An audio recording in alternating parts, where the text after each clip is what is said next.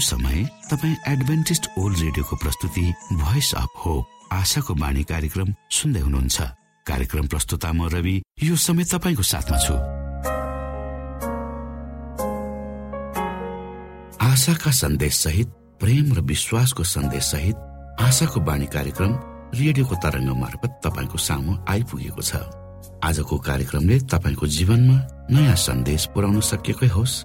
हाम्रो शुभेच्छा तपाईँको निम्ति यही रहनेछ।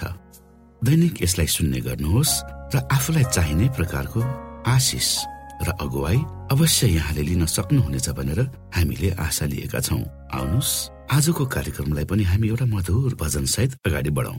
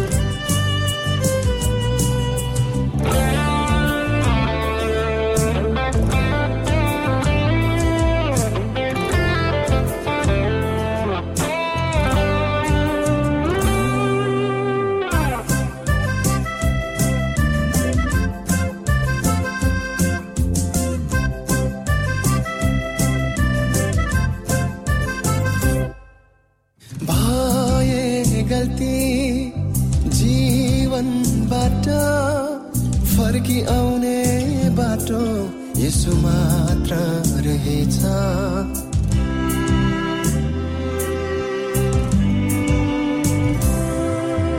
पाए जीवनको साँचो अर्थ यसो बिना जीवन अधुरो नै रहेछ। मेरो जीवनको सहा जीवनको भरोसा।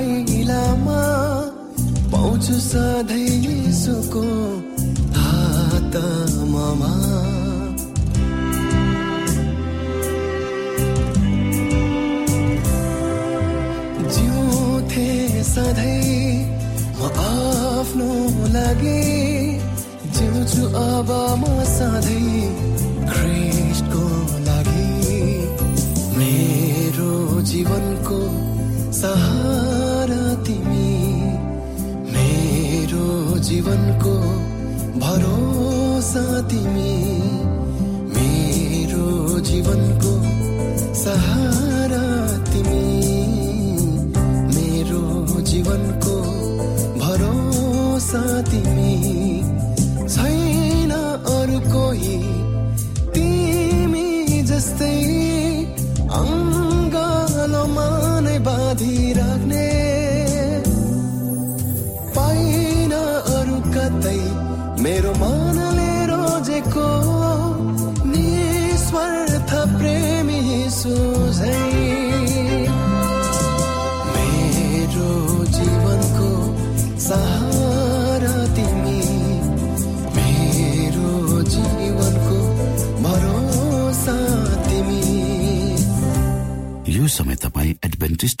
रेडियोको प्रस्तुति भोइस अफ होप आशाको बाणी कार्यक्रम सुन्दै हुनुहुन्छ।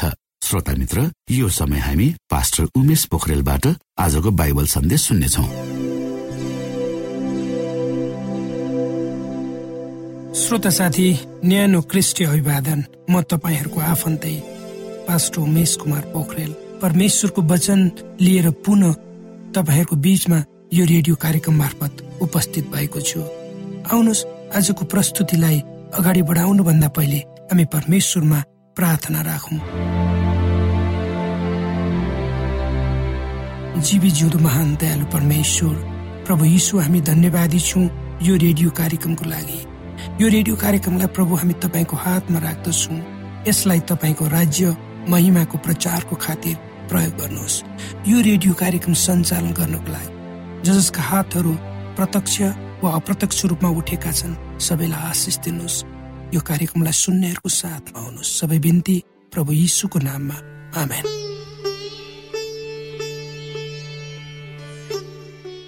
श्रोत साथी प्राचीन ग्रिकको एथेन्स भन्ने सहर दर्शन र ज्ञानको भण्डार थियो जुन कुरो इतिहासले प्रमाणित गरेको पाइन्छ।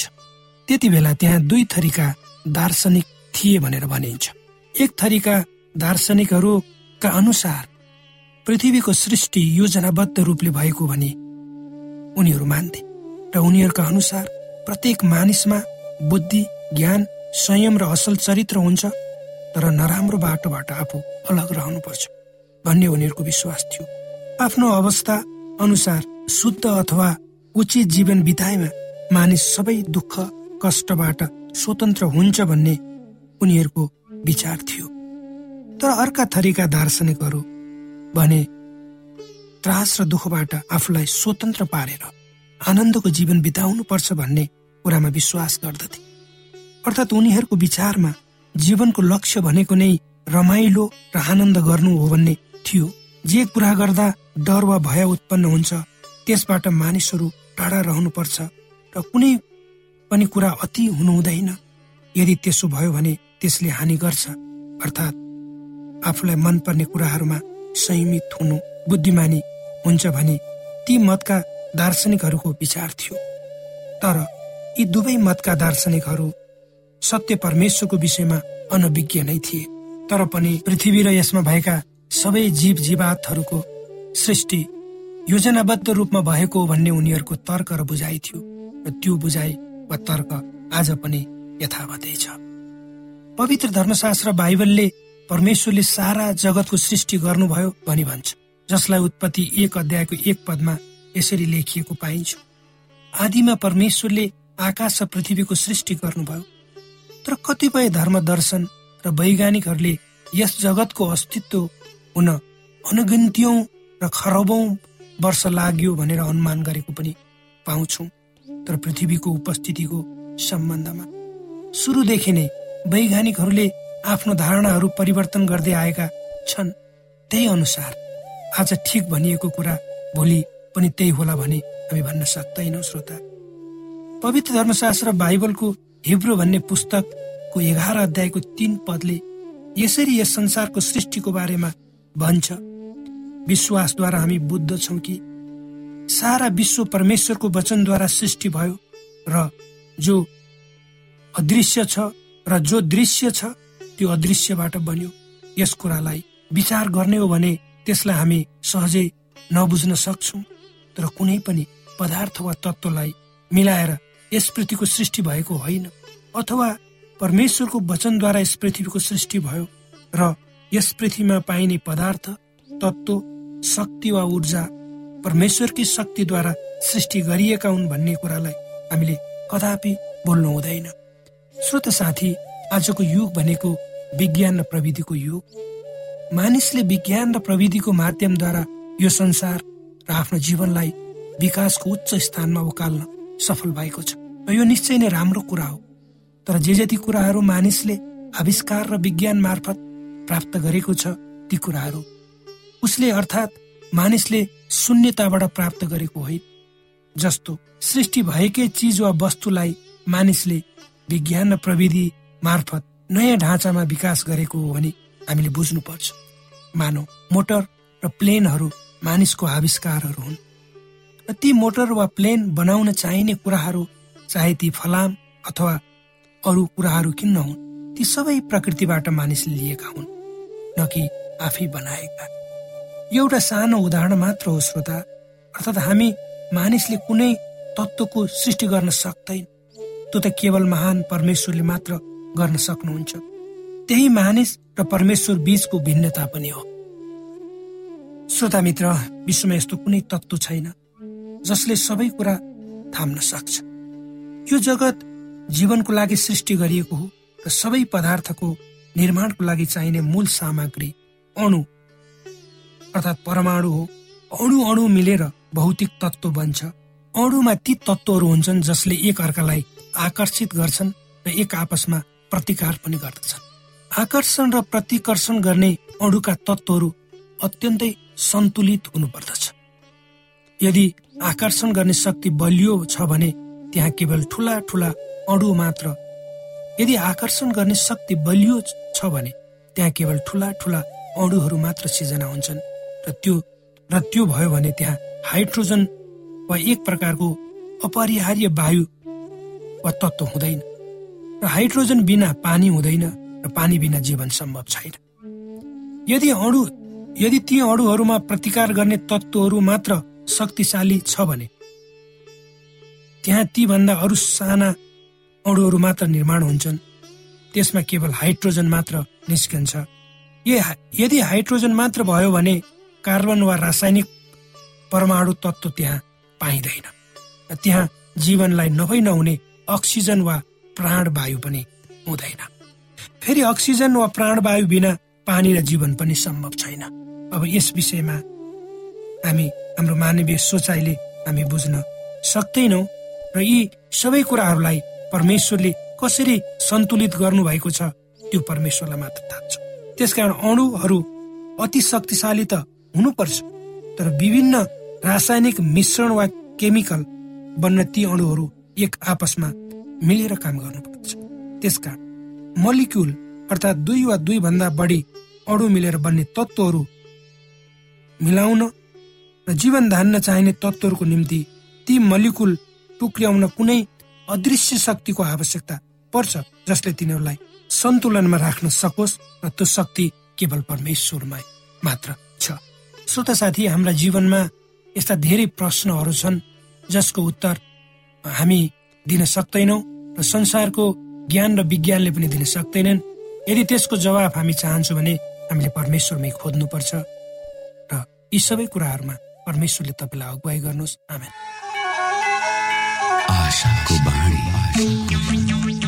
श्रोता भर्खरै यहाँले पास्टर उमेश पोखरेलबाट बाइबल वचन सुन्नुभयो। यो समय तपाईँ एडभेन्टिस्ट ओल्ड रेडियोको प्रस्तुति भोइस अफ होप आशाको बाणी कार्यक्रम सुन्दै हुनुहुन्छ। कार्यक्रम सुनेर बस्नुहुने सबै श्रोतालाई हामी हाम्रो कार्यक्रममा स्वागत गर्न चाहन्छौ।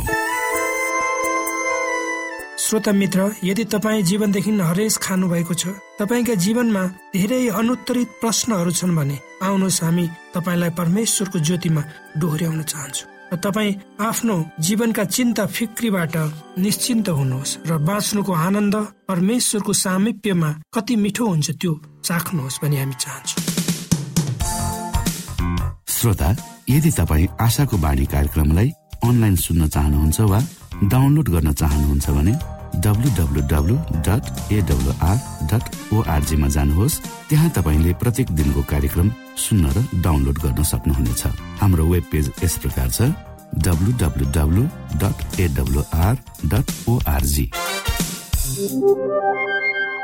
श्रोता यदि तपाईँ हामीसित सिधै फोनमा सम्पर्क गर्न चाहनुहुन्छ भने हाम्रा नम्बरहरू यस प्रकार छन्।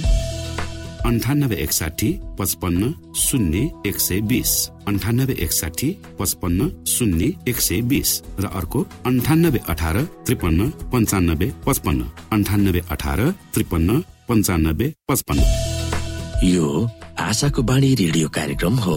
म प्रस्तुता धनलाल राई यहाँहरूलाई यस कार्यक्रममा न्यानो स्वागत गर्दछु। समाधान श्रोता उद्देश्य प्रेरित पुनर्जन्म देश देशभरका आत्मा परिवर्तित कथाहरूमा आजको कथा दुईवटा प्रार्थनाको छिट्टो जवाब जुबेर टु ड्युटी डाइट फरिएरा द सिल्भा ब्राजिल दक्षिण अमेरिका।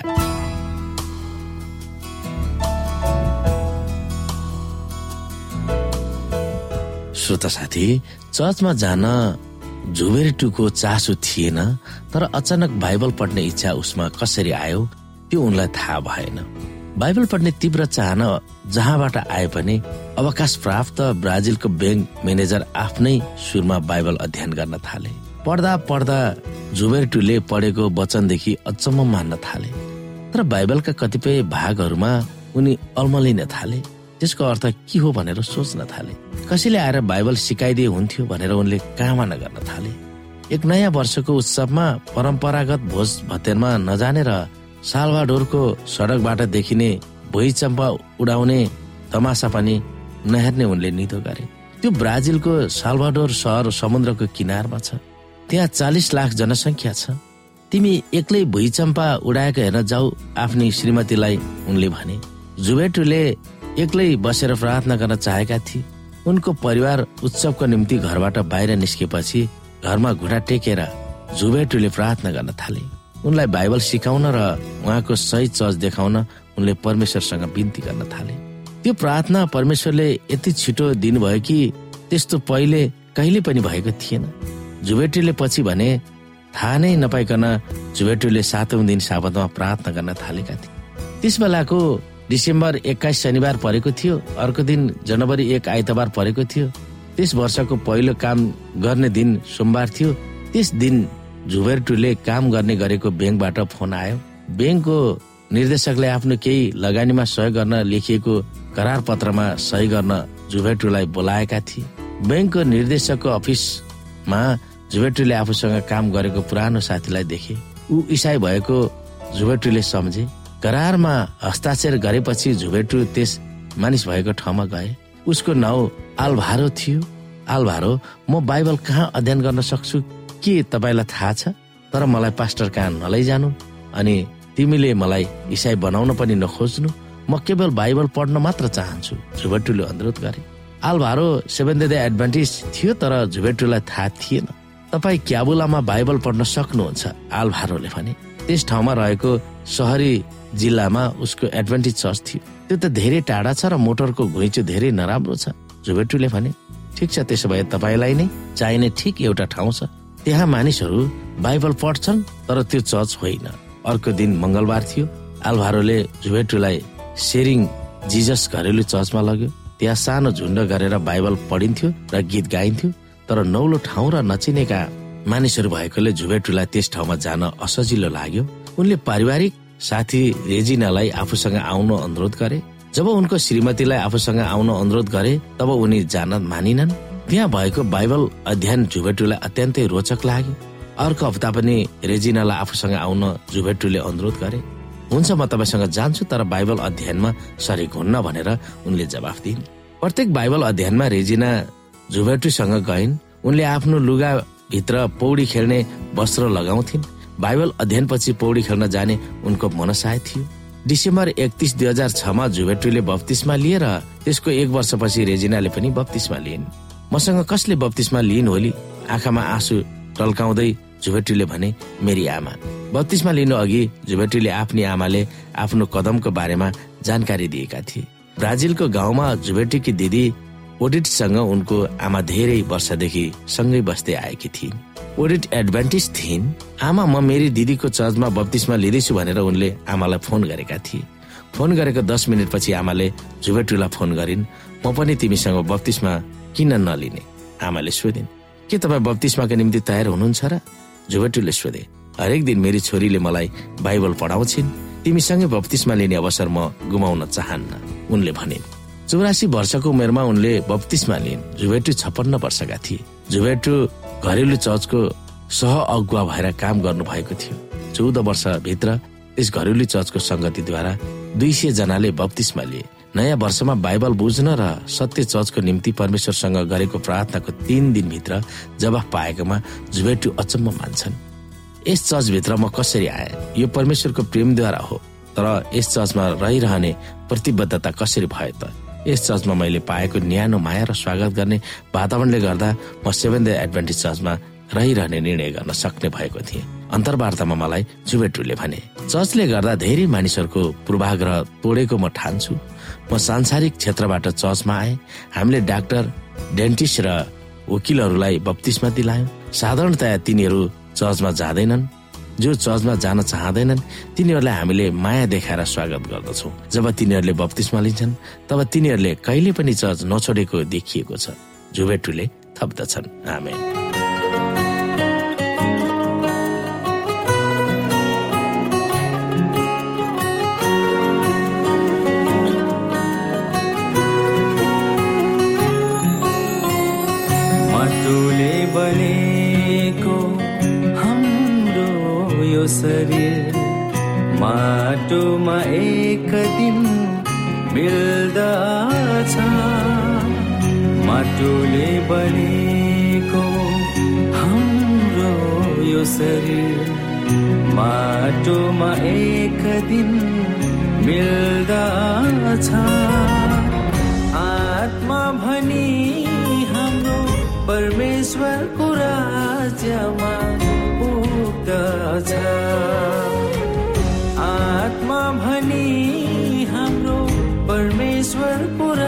राज्यमा पुग्दछ। माटोले बनेको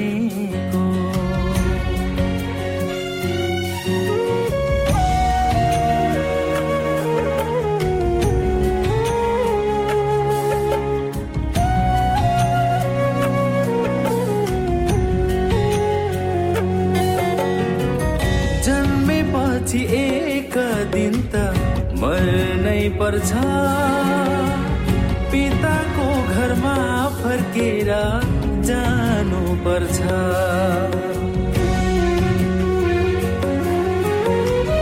जन्मेपछि एक दिन त मर्नै पर्छ।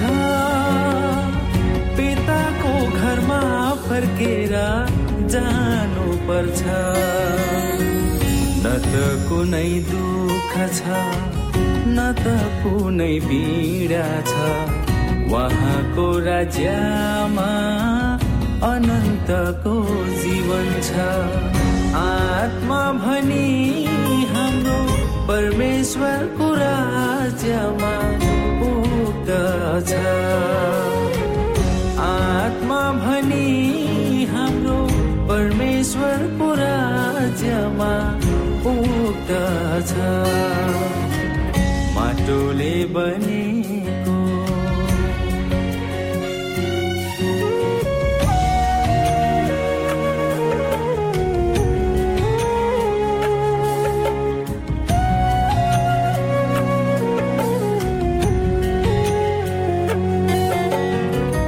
जन्मेपछि एक दिन त मर्नै पर्छ। पिताको घरमा फर्केर जानु पर्छ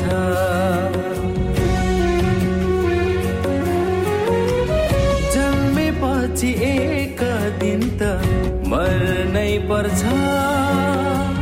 पिताको घरमा फर्केर जानु पर्छ न त कुनै दुःख छ न त कुनै पीडा छ। उहाँको राज्यमा अनन्तको जीवन छ।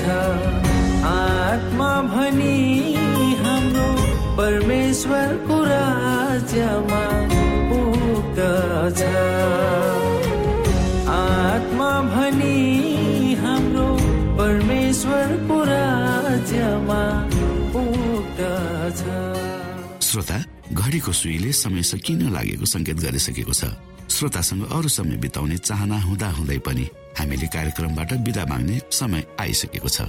हाम्रो कार्यक्रमको विषयमा जानकारी लिनको लागि हाम्रो कार्यक्रममा सम्पर्क गर्नका लागि हाम्रो ठेगानाको बारेमा यहाँलाई जानकारी गरौं। आशाको बाणी पोस्ट बक्स नम्बर दुई शून्य शून्य शून्य दुई काठमाडौँ नेपाल। यसै गरी श्रोता यदि तपाईँ हामीसित सिधै फोनमा सम्पर्क गर्न चाहनुहुन्छ भने हाम्रा नम्बरहरू यस प्रकार छन्। अन्ठानब्बे एकसाठी पचपन्न शून्य एक सय बिस अन्ठानब्बे एकसाठी पचपन्न शून्य एक सय बिस र अर्को अन्ठानब्बे अठार त्रिपन्न पञ्चानब्बे पचपन्न.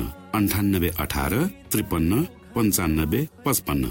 श्रोता तपाईँ हामीलाई इमेल पनि गर्न सक्नुहुन्छ। हाम्रो इमेल एड्रेस यस प्रकार छ Nepal at AWR dot org Nepal at AWR dot org यदि तपाईँ हामीलाई अनलाइन सुन्न चाहनुहुन्छ वा डाउनलोड गर्न चाहनुहुन्छ भने तपाईँ W W W dot AWR dot ओआरजीमा जानुहोस् र त्यहाँ तपाईँले हाम्रो सबै कार्यक्रमहरू सुन्न सक्नुहुनेछ। हवस् त श्रोता हाम्रो कार्यक्रम सुनिदिनु भएकोमा एकचोटि फेरि यहाँलाई धन्यवाद दिँदै भोलि फेरि यही स्टेशन र यही समयमा भेट्ने बाजा गर्दै प्राविधिक साथी राजेश पास्टर उमेश पोखरेल र कार्यक्रम प्रस्तुता म रवि यहाँसँग विदा माग्दछौ। परमेश्वरले तपाईँलाई धेरै धेरै आशिष दिनु भएको होस्। नमस्कार।